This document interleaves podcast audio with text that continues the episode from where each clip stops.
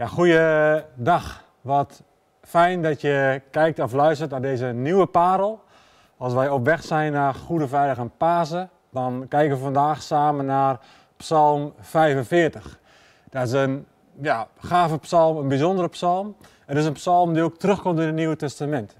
je ziet alleen al dat vers 7 en 8, ja, die worden letterlijk geciteerd in Hebreeën 1. En die worden daar in Hebreeën 1 ook toegepast zou je kunnen zeggen, op Jezus, aan Hem toegeschreven. En, en dat zijn soms van die belangrijke constateringen. Dat in de Bijbel zelf al wordt gesteld dat het koningschap, waar het in deze psalm over gaat, ja, dat dat dus ook zijn vervulling vindt in Jezus. Dat je deze psalm dus ook mag lezen vanuit de bril van Jezus. En dat geeft de psalm ja, echt een hele andere lading, ook voor jou en voor mij. En ja, de psalm, eh, je zou kunnen zeggen, het is een lied voor de bruiloft van de koning. En laten we de psalm eerst in zijn geheel lezen. Voor de koorleider, op de wijs van de lelies, van de koragieten. Een kunstig lied, een liefdeslied. In mijn hart wellen de juiste woorden op. Mijn gedicht spreek ik uit voor de koning. Mijn tong is de stift van een vaardige schrijver. U bent de mooiste van alle mensen en lieflijkheid vloeit van uw lippen. God heeft u voor altijd gezegend. Gort uw zwaard, zwaard aan de heup. O held, het teken van uw majesteit en glorie. Treed op in uw glorie en begin de strijd voor waarheid, deemoed en recht. Laat uw hand geduchte daden verrichten. Uw pijlen zijn gescherpt en treffen de vijanden van de koning in het hart. Volken vallen dood voor u neer. Uw troon is voor eeuwig en altijd, o God. De scepter van het recht is uw koningsscepter. U hebt gerechtigheid lief en haat het kwaad. En daarom heeft God, uw God, u gezalfd met vreugdeolie, als geen van uw gelijken.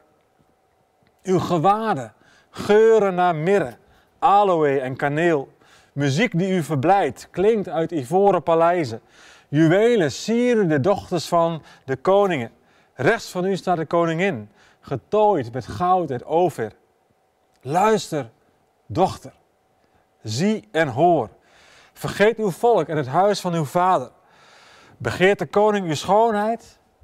Buig voor hem. Hij is uw Heer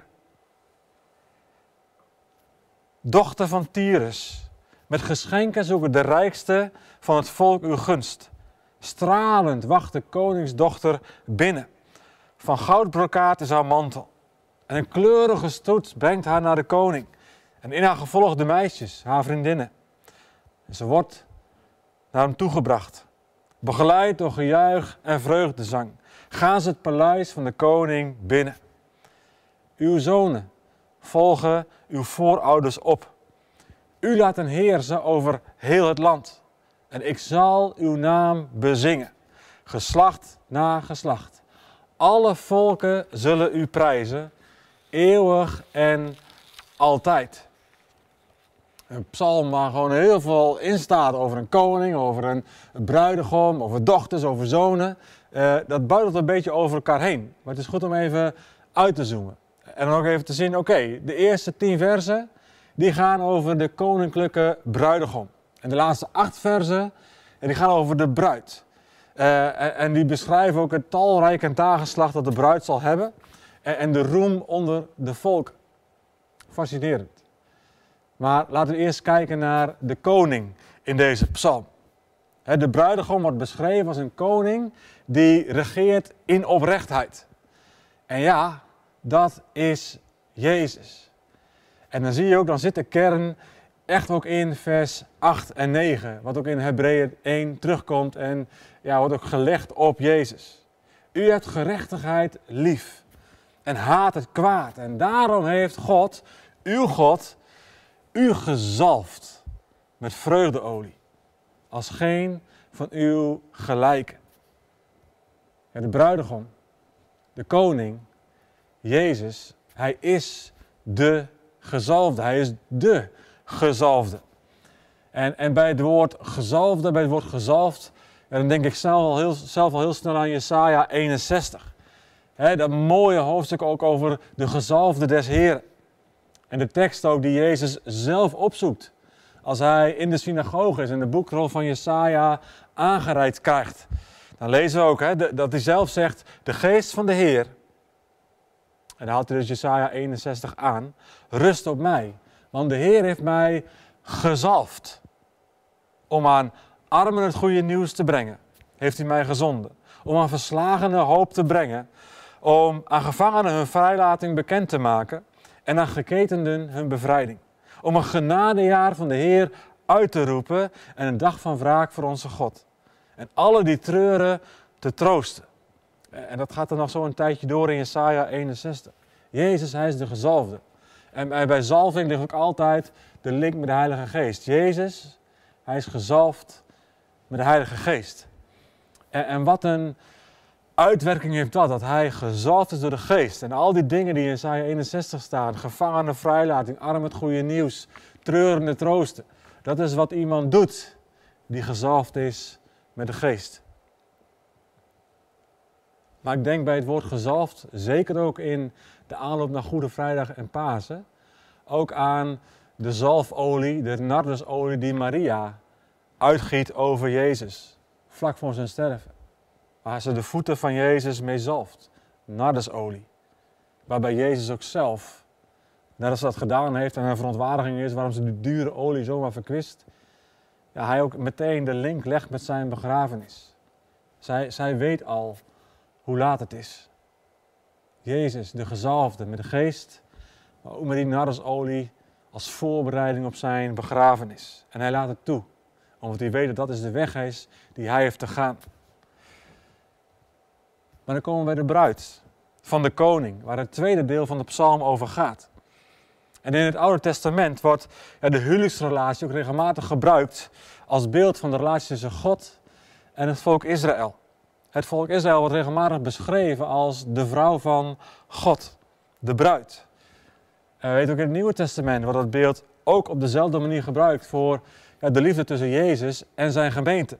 Efeze 5. Mannen, heb uw vrouw lief zoals Jezus de gemeente heeft liefgehad, de kerk.